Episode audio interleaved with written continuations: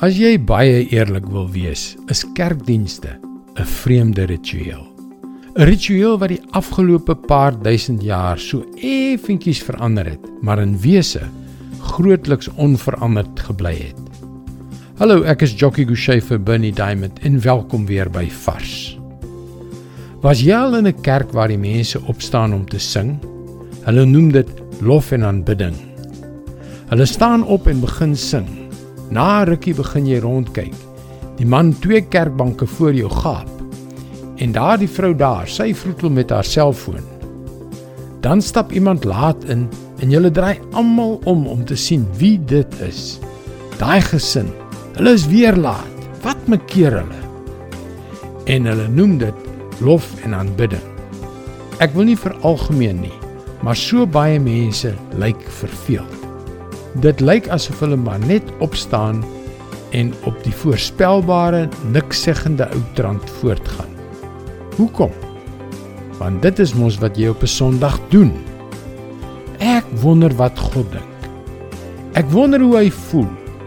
Ek wonder wat hy sal sê as ek en jy God oor hierdie onderwerp kon uitvra. As hierdie hele lof en aanbidding ding regtig eer aan God moet bring, sou jy nie dink dat hy wil hê dat ons dit met opregte harte doen nie? Ons lees in Jesaja 29 vers 13.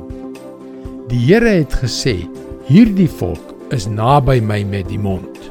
Hulle eer my met wat hulle sê, maar hulle hart is ver van my af. Hulle dien my soos mense dit wil hê, nie soos ek wil nie." Dis mos baie duidelik gestel. Wanneer gaan ons ophou om dinge te doen net omdat ons dink dat dit van ons verwag word? Wanneer gaan ons met opregte harte ons lewens aan Hom onderwerp en die God aanbid wat ons kom red het? Of gaan ons net aanhou om op die ou trant voort te gaan? Dit is God se woord vars vir jou vandag. Soveel van die lewe gaan oor dinge wat ons as betekenislose rituele doen. Ons staan soggens instinktief op en neem deel aan die lewensroetine soos wat ons daagliks doen.